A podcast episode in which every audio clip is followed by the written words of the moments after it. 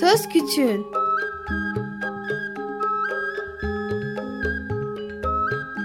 Bir Çocuk Hakları Programı Bilgi Üniversitesi Çocuk Çalışmaları Birimi hazırlıyor ve sunuyor. Çocuk Hakları Savunucusu Özel Sezin Okullarına katkılarından dolayı teşekkür ederiz.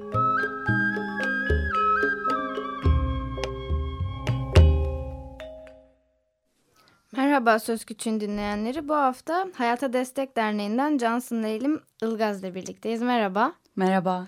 Ee, bize biraz kendinizi tanıtır mısınız? Tabii ki. Ee, ben yaklaşık bir seneyi geçti Hayata Destek Derneği'nde çocuk işçiliğiyle mücadele projelerinin yürütücülüğünü yapıyorum. Ee, bugün de burada bununla ilgili konuşmak için bulunuyorum. Ee, peki şuradan başlayalım. Hayata Destek Derneği neler yapar? Kısacık bir bilgi istiyorum sizden. Tabii. E, Hayata Destek Derneği 2005 yılında kurulmuş bir dernek. E, gerek doğal kaynaklı gerek insan kaynaklı afetlerde çalışıyor aslında. E, afet öncesi hazırlıkları gibi risk azaltma gibi şeyler de yapıyor. Şu anda yoğun olarak devam eden Suriyeli e, mültecilere yönelik e, çalışmaları var. Özellikle sınır hattında Hatay ve Urfa bölgesinde toplum merkezleri aracılığıyla hem e, çeşitli yardımlar hem psikososyal destek, mesleki eğitimler, dil eğitimleri gibi çalışmaları var. Onun dışında e, yoğun olarak devam eden diğer projesi 2012 yılından beri içinde olduğu e, mevsimlik gezici ve geçici tarımda çocuk işçiliğiyle mücadele e, programı var. E, bununla ilgili de yoğun olarak farkındalık e, ve e, eğitimler, gene doğrudan desteklediğimiz işte psikososyal aktiviteler vesaire gibi çalışmaları var. E, bu, bu hafta aslında Bu İş Çocuk Oyuncağı Değil kampanyasını konuşmak için sizle birlikteyiz. E, kampanyadan bahsedelim biraz isterseniz. Tabii önce adından bahsedeyim ben. Bu iş çocuk oyuncağı değil dedik biz kampanyanın adına. E, çünkü aslında hiçbir iş çocuk oyuncağı değil.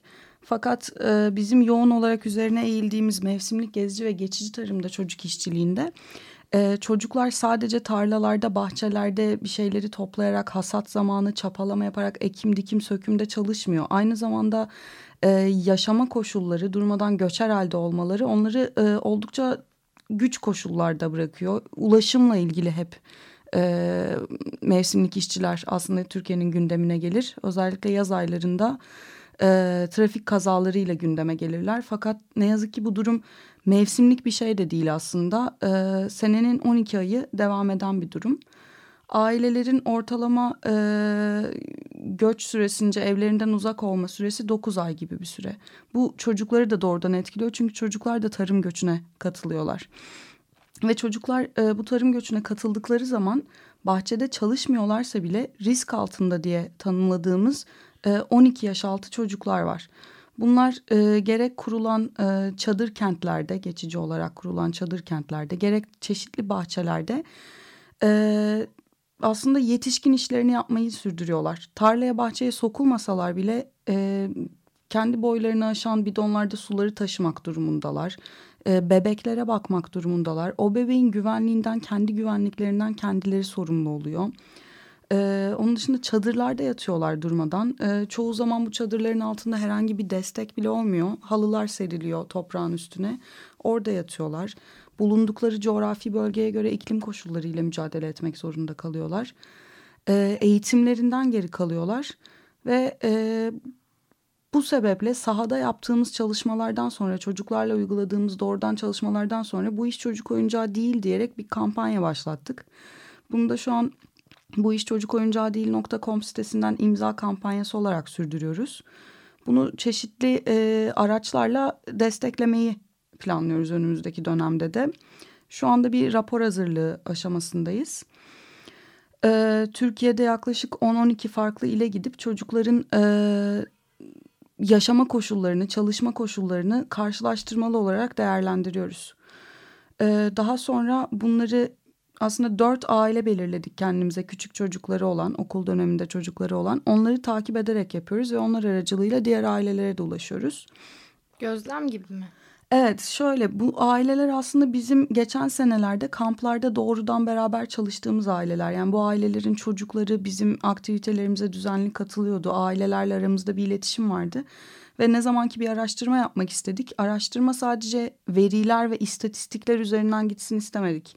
Bir insani boyutu olsun, insanlar bunun aslında e, nasıl bir durum olduğunu empati kurarak görebilsinler istedik. Dolayısıyla e, çocuklarımız var birkaç tane, adlarını e, değiştiriyoruz ve onların hikayeleri üzerinden aslında araştırmamızı şekillendiriyoruz biraz. E, bu sırada da e, raporu çıkartıyoruz. Bu raporun içerisinde çok fazla farklı e, bileşen olmasını öngörüyoruz. Biraz kapsamlı olmasını istiyoruz. Çünkü şimdiye kadar elimizde olan veriler oldukça nokta atışı yapılmış araştırmalar veya resmi veriler ki e, ne yazık ki buna daha sonra değinebilirim. Pek fazla bir şey ifade etmeyen veriler. Dolayısıyla bu araştırmanın sonucunda hem kamuoyuna bunu sunmayı istiyoruz. Çünkü ne yazık ki bu mevsimlik işçilik e, Türkiye'nin gündemine bir türlü oturamayan bir konu. Sadece yaz aylarında trafik kazalarıyla gündeme gelen bir konu. Ama bütün sene devam eden ve tahmini olarak 400 bin aileyi etkileyen bir e, konu. E, bu imzaları topladıktan sonra raporlarımızla beraber e, ilgili bakanlıklara teslim etmek istiyoruz. Böyle bir planımız var. E, inşallah bunu da 20 Kasım Dünya Çocuk Hakları Günü'nde yapmak istiyoruz. E, genel olarak kampanyanın e, amacı çocuk olma hakkını savunmak aslında. Çünkü bu işçilik çocukların en temel haklarından mahrum kalmalarına yol açıyor. Ben sadece burada eğitim hakkından bahsetsem bu aslında adil olmaz veya sadece oyun hakkı desem adil olmaz. Ee, her tür haklarını aslında biraz e, istismar eden bir durum e, söz konusu. Sağlık, barınma, Kesinlikle. eğitim, beslenme birçok şeyden mahrum kalıyorlar. Yani Kesinlikle. eksiklikler yaşanıyor. Bu yüzden çocuk olma hakkı üzerinden şekillendiriyoruz e, kampanyanın dilini ve e, manifestomuzda da e, neler çocuk e, olmaya girmiyor aslında onları söylüyoruz. Evet ben okudum aslında girdim gelmeden önce programa siteye bir bakayım dedim. Ee, sorular yayınlamışsınız aslında genelde sorulan ve cevapları yani çok da açıklayıcı olmuş. Teşekkür Mesela ederiz. şey ilgimi çekmişti. 4 artı 4 sistemi e, mevsimlik tarım işçiliğinde çocuk işçiliğini arttırıyor gibi bir Evet. yazıya rastlamıştım aslında. Evet şimdi bu 4 artı 4 artı 4 ile aslında çalışma yaşı, pratik, yaşı pratikte e, 6 ile 13'e çekildi gibi bir durum var. Şimdi iş kanununda çocuk işçi 15 olarak belirleniyor. Genç işçi 16 olarak belirleniyor. E, fakat 4 artı 4 artı 4'ün büyük katkısıyla e, çocukların zorunlu eğitimlerini bitirmeleri gerektiğiyle ilgili olan kısım birazcık aşağı çekilmiş oluyor bu durumda. Dolayısıyla zaten çocuklar hali hazırda 15 yaşın altındakiler de işçiliğe katılırken şimdi bu biraz daha resmi bir boyut kazanmış oluyor. E, 8. seneden sonra özellikle çocuklar dışarıdan devam edebiliyorlar okula ve bu durumda çocuk işçiliğini arttırıcı bir e, sebep olarak ortaya çıkıyor. Lise çağında. Tabii. Yani ortaokul, lise. Anladım. 9 yaş çok düşük. Bir de şimdi biraz önce 6 dediniz hatta. Ee, şöyle 6 yaşında başlıyorlar. Hani ben okula başladığımda 7 yaşındaydım mesela. Şimdi çeşitli düzenlemeler, bir sürü tepkilerden sonra yapılan şeylerden sonra e, yaş birkaç ay daha yukarı çekildi ama pratikte aileler şu anda hala çocuklarını işte e, 60 aylıkken falan kaydettirmeye çalışabiliyor. E, bu durumda e, okula başlama yaşı öne çekilince okulu bitirme yani zorunlu olan kısmını bitirme yaşı da öne çekilmiş oluyor. Evet bu da bayağı bir teşvik ediyor. Zaten eğitim çok fazla sıkıntı Evet. çocuklarda. Peki bu proje kapsamında eğitimde neler yapılabilir? Ne düşünüyorsunuz? Eğitimle ilgili olarak bizim aslında e, farklı e, çözüm önerilerimiz var. Yani kampanya dahilinde e, yaptıklarımızın dışında sahada e, bazı şeyler yapıyoruz. Şimdi araştırmalara göre bu mevsimlik tarım göçüne katılan çocuklar ortalama e, bir senede 60 gün okul kaybediyorlar. Yani 180 gün olduğunu hesap edersek bir okul yılının üçte birini bu çocukların kaybetmesiyle beraber bu devamsızlıkla okulda başarılı olmalarını beklemek oldukça güç. Ee, okulda başarılı olmayan çocuk zaten okuldan soğuyor. Zaten koşulları onu okuldan soğutan bir durumdayken e, iyice soğuyor. Sınıfı bir şekilde bu e, okul sistemi vesaireyle geçse bile e, beşinci sınıfa giden okuma yazma bilmeyen çocuklarla karşılaşabiliyoruz. Dolayısıyla biz e, şöyle şeyler önerebiliyoruz. Aslında bunlar bazı yerlerde uygulanmaya çalışılan e, şeyler ve e, çeşitli verilmiş soru önergelerine cevaben de kullanılmış şeyler. Çalışma ve Sosyal Güvenlik Bakanlığı olsun, Milli Eğitim Bakanlığı olsun tarafından taşımalı eğitim, mobil gezici ekiplerle eğitim gibi şeyler var. Bu mevsimlik gezici ve geçici tarımda çalışan çocuklar için. Fakat bunlar pek uygulanmıyor şu anda. Dolayısıyla çocuklar tarım göçüne çıktıktan sonra eğer aile biraz daha bilinçliyse şartlı nakil sistemi gibi şeylerle gittikleri yerlerde çocukları okula kaydettirebiliyorlar. Fakat bu e, çok yaygın bir durum değil. Çünkü çocuk oraya gittiyse genelde para kazanmaya gitmiş oluyor ve tarlaya, e, bahçeye girip çalışması, o günlük yemeği e, kazanması daha çok isteniyor. Dolayısıyla şartlı nakil sistemi kullanılarak çocukların gittikleri yerlerde de okula devam etmesi sağlanabilir. Onun dışında bu e, bahsettikleri taşımalı eğitim, mobil gezici ekipler gibi e, şeylerle çocukların eğitimlerine devam etmesi sağlanabilir. Çünkü çocuklar okul dönemi sırasında da aslında buradalar. Sadece Ağustos ayında mesela fındık hasadına gitmiyorlar. Ocak ayında çıkıp mesela Adana'da örtü altı sebzede çalışabiliyorlar veya işte ne bileyim e, şeker pancarı çapasına gidebiliyorlar Nisan ayında. E, çok aslında üzücü bir durum. Genelde de 23 Nisan gibi çıkıyor çocuklar e, mevsim tarım göçüne katılmaya. O sırada evlerini terk ediyorlar 23 Nisan gibi tatil olmasından hareketle aile toplanıyor. Bütün evini kapatıyor, eşyalarını yüklüyor. Ya kamyona ya bir minibüse dol, doluşup e, gidecekleri yere gidiyorlar. E, şartlı nakil dediniz. Bu tam olarak nasıl oluyor? Ne demek? Şartlı nakil aslında devletin kurguladığı bir e, sistem. E, aile eğer e, normalde e, ikamet ettiği yerden farklı bir yere gidecekse çocuğun okul kaydı orada bulunduğu yere aktarılabiliyor şartlı nakil sistemiyle. Hatta çok cüzi bir rakam da veriliyor aileye.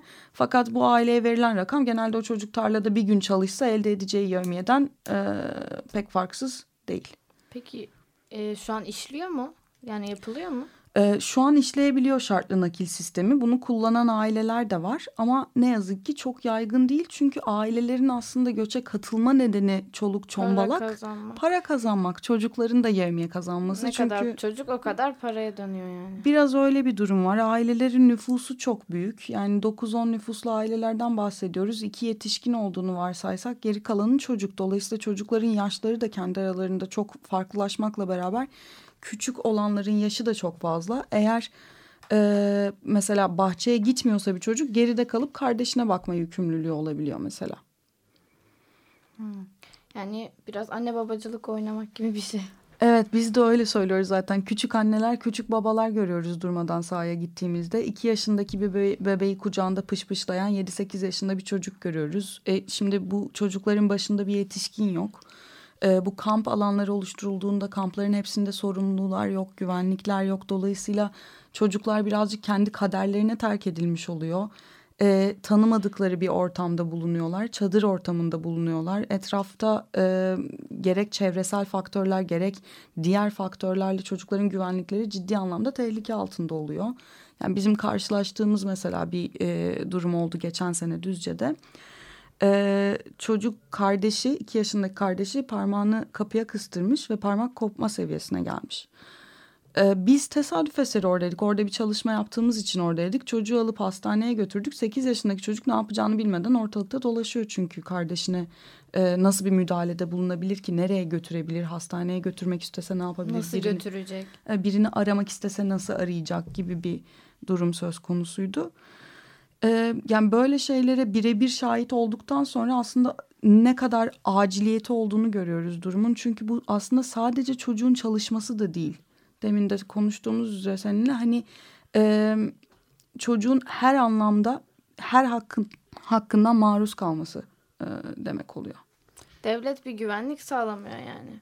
Peki her yerde sağlamıyor. Bazı yerlerde var yani Türkiye'de çünkü tarım yapılan her yerde mevsimlik tarım işçisi var. Hı hı. Bazı yerlerdeki durumlar daha iyi ama çoğu yerde durum pek iyi değil ne yazık ki. Biz de araştırmayı aslında biraz bu yüzden yapıyoruz. Yani e, ürün bazlı belki çözümlerin oluşması, farkın nasıl oluşabileceğinin görülmesi, hani yerel inisiyatifler varsa bunlar çocukların hayatlarını ve hatta işçilerin hayatlarını ne şekilde iyileştirebiliyor ve bunlar nasıl aslında politika haline gelebilir ve her yerde uygulanabilir bunu biraz da görmek istiyoruz. Sizin mi düşünceniz var mı peki bu güvenlik açısından o çevrede o kamp alanı nasıl bir güvenlik alanı oluşturulabilir? Mesela eğer bir kamp alanından bahsediyorsak e, o kamp alanında çevrenin ciddi olarak çocuğa uyumlu hale getirilmesi gerekiyor. Mesela 2011 yılıydı yanlış pardon 2012 yılıydı. Ordu'daki bir kampta sel felaketi yaşandı. Kenardan bir ırmak geçiyordu. E, Karadeniz zaten çok yağmur alan bir yer. Hı hı. Ee, ve hani birisinin uyanıp bunu fark etmesiyle aslında bir felaket önlendi. Herkesin çadırı su bastı ama e, yani şükür ki bir e, can kaybı olmadı. Şimdi bu çocuklar o bahsi geçen mesela ırmağa atlayabiliyorlar, girebiliyorlar. E, kampın etrafındaki çitlerin uçları oldukça sivri, düşebilecekleri çok nokta var. Ee, dediğim gibi bir ırmak geçiyor ne olduğu belli değil sel olabiliyor vesaire bunlar çevresel faktörler yani öncelikle bunların bir güvenlik altına alınması gerekiyor. Onun dışında çocukların e, belki oyun oynayabilecekleri eğer okul dönemindelerse e, okula yönelik aktivitelerde bulunabilecekleri güvenli bakım alanlarının oluşturulması gerekiyor. Bu çadırda yaşayan çocuklar için çadır alanında olmalı. Bahçelere dağılmış şekilde çiftçilerin bahçelerinde kalan çocuklar için de belki ortak yakın bir alan belirlenip e, oralarda oluşturulması lazım. Ya kendi fikrimi söyleyeyim aslında ben daha çok çocuklar hiç gitmesin den yanayım. Bu tür çözümler bana hiç sıcak gelmiyor şimdilik. Ama yapılacak bir şey yok sanırım. Hani o, o şekilde de gidilecek bari gidilse de korunsun tarzında. Şimdi e, mevsimlik tarım işçiliği Türkiye'de aslında çok eskiye dayanan bir e, durum. E, ve hatta geçen zamanla beraber mevsimlik işçilik demekten biz mevsimlik gezici ve geçici işçilik demeye başladık. Çünkü e, mesela aileler var Adana bölgesinde özellikle. Yılın 12 ayı orada. 20 senedir orada yaşıyor ama çadırda. Bir evi yok. Çadıra yerleşmişler. İşte uydularını kurmuşlar. Televizyonları var. Orada yaşıyorlar gibi bir durum var. Yani çok farklı boyutları olan bir durum aslında. Ve ne yazık ki e, şöyle bir durum var ki bu uzun vadede mevsim tarım işçiliği ortadan kaldırılabilecek bir durum değil. Çünkü bu insanlar yoğun olarak Güneydoğu Anadolu bölgesinden çıkıyorlar yola. E, ve kendi memleketlerinde çalışabilecekleri bir alan yok. İstihdam olanakları çok kısıtlı. Ailelerin kendilerinin bir kalifikasyonu çok fazla yok. Yani e, aslında belki buralarda çalışmalar yapılsa, mevsimlik tarım işçiliği kayıt altına alınsa, çocukların katılmaması bir şekilde sağlansa, yatılı okullar gibi e, durumlar kapatılmasa, e, belki bir nebze üstünden gelinebilir bir nebze. Ama bir yandan da 6 ila 9 ay evinden uzak olan ailelerden bahsediyoruz. Yani bırakın bir bebeği 8 yaşında bir çocuğu da 6 ay annesinden alıkoymak e, mantıklı değil ki aile sülalece katılıyor göçe. Dolayısıyla o çocuklar geride kalsa onlara bakabilecek kimse yok. Kalması daha da büyük problemler çıkaracak aynı zamanda. Evet yani anne katılmasa mesela göçe Çocuk anneyle kalabilir fakat ne yazık ki bölgede mesela annenin çalışmasına da sıcak bakılmıyor. Dolayısıyla sadece kadınların çalıştığı istihdam olanakları oluşturulsa bölgede bu bir çözüm olabilir. Annenin göçe katılmaması ve düzenli bir gelirinin olması e, aileyi büyük ölçüde çocukları en azından göçten uzak tutabilir. Çünkü mevsimlik tarım göçüne katıldığında aileler... E, bütün aile çalışarak yemeği kazanmaya çalışıyor. Çünkü on nüfuslu bir aileyi baba tek başına çalışarak da çok geçindirmesi mümkün değil. Evet. Yine aynı yere çıkıyor yani. Evet ne yazık ki e, sorunu nereden tutsak biraz böyle çıkmaza doğru gidiyor ama yapılabilecek şeyler var. İzleme ve denetleme sistemleri kurulabilir. Bu e, işçilik çeşidi kayıt altına alınabilir ve bir şekilde denetimi sağlanabilir. Bu olduktan sonra çocuk işçiyi hem çalıştırmak e, kolay olmayacaktır hem de çocukların hayatları bu derece etkilenmeyecektir diye düşünüyorum. Tabii bu da uzun soluklu bir durum ama yapılmayacak şeyler değil. Eğitim konusunda da dışarıda da tartışmıştık. Aslında şartlı nakil olayı da bana çok saçma geliyor. Yani o çocuğu arkadaşlarından kopar oraya götür tanımadığı yerde yeni arkadaşlıklar onlara ısınsın hop başka yere götür. Bu çocuğu da çok etkiler ama okumaması daha da kötü etkiler. Yani iki tarafı da saçma sapan bir durum olmuş. Evet hani sana da dışarıda dediğim gibi aslında mesela bizim e, beraber e, tanışık olduğumuz ailelerden birinin çocuğu var işte benim arkadaşım Eyüp. E, o şey dedi bana e, işte o da kendisi 12 yaşında. Dedi ki ben burada okula gitmek istemiyorum. Buradaki okulumu sevmiyorum. Viranşehir'deki okulumu seviyorum dedi. Neden dedim? Burada bana çadır çocuğu diyorlar dedi.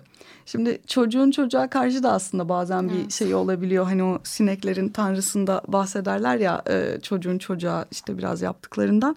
O olabiliyor. Çocuk alıştığı bir ortam var. Sevdiği öğretmenleri, arkadaşları var. Onları onu oradan ayırmak evet çocuğu okuldan soğutan da bir şey. Ama e, nasıl diyeyim şu anda elimizde olan duruma bakarak biraz çözümler geliştirmek lazım. Eğer bu çocuklar tarım göçüne şu anda hala katılmak zorundaysa en azından eğitimlerinden geri kalmamaları lazım ki bu kadar küçük bir yaşta anne babalarıyla meslektaş olup bu yoksulluk döngüsünden çıkamayacak duruma gelmesinler. Kısır döngüye dönüyor çünkü. Evet kesinlikle. Ee, bir şarkı arası verelim o zaman. Bülent Ortaçgil'den Benimle Oynar Mısın dinliyoruz. Su olsam, ateş olsam Göklerdeki güneş olsam Konuşmasam, taş olsam Yine de oynar mısın benimle? Susulsam, kusur olsam Ağızdaki küfür olsam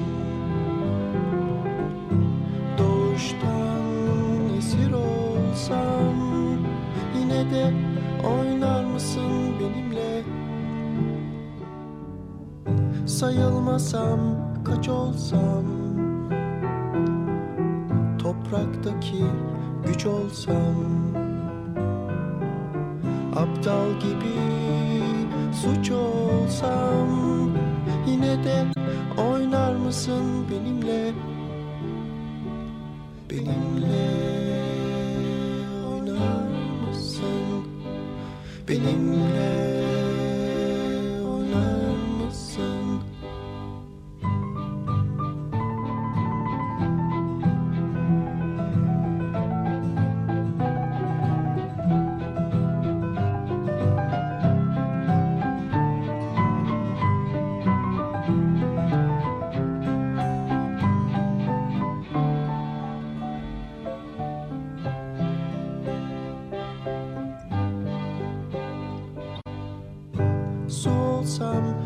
Olsam Göklerdeki güneş olsam Konuşmasam taş olsam Yine de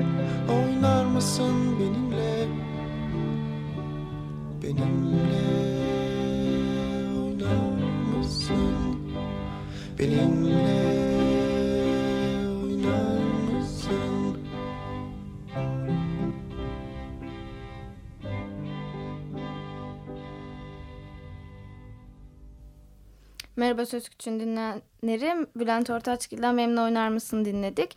Hayata Destek Derneği'nden Cansın Leyli Mılgaz'la birlikteyiz. Programımızın da sonuna geldik aslında. Son olarak toparlamak için söylemek istediklerinizi söyleyin.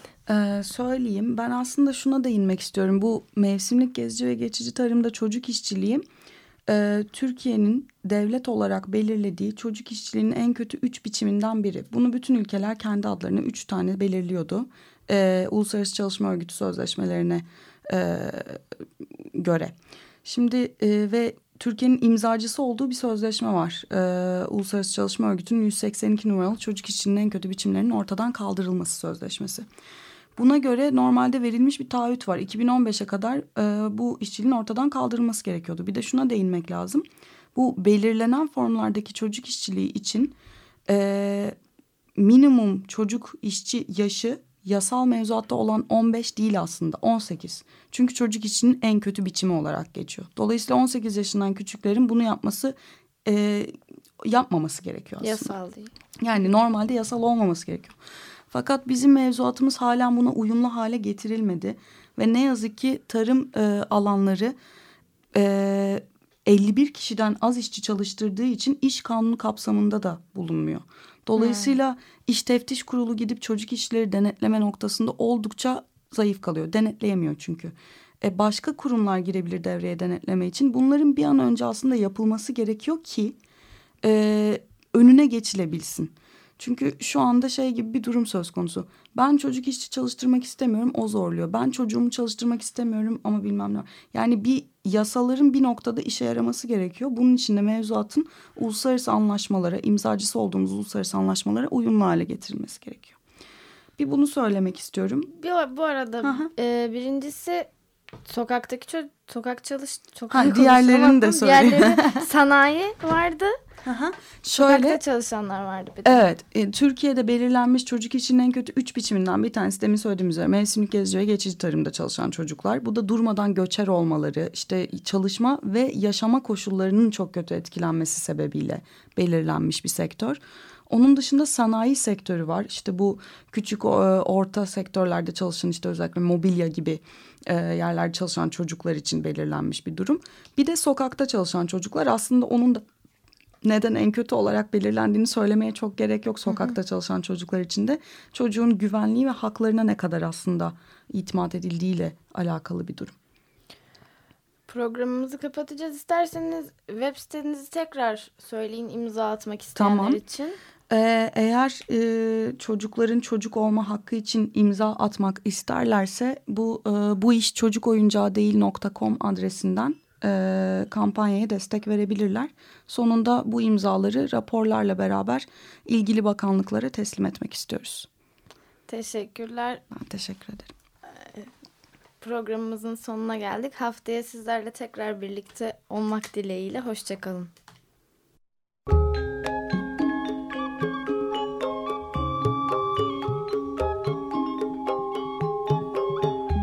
Söz Küçüğün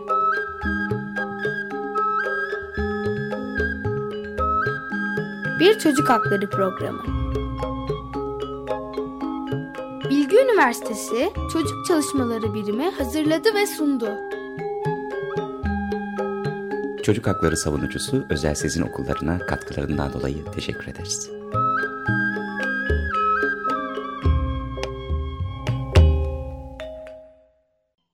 Açık Radyo program destekçisi olun. Bir veya daha fazla programa destek olmak için 212 alan koduyla 343 41 41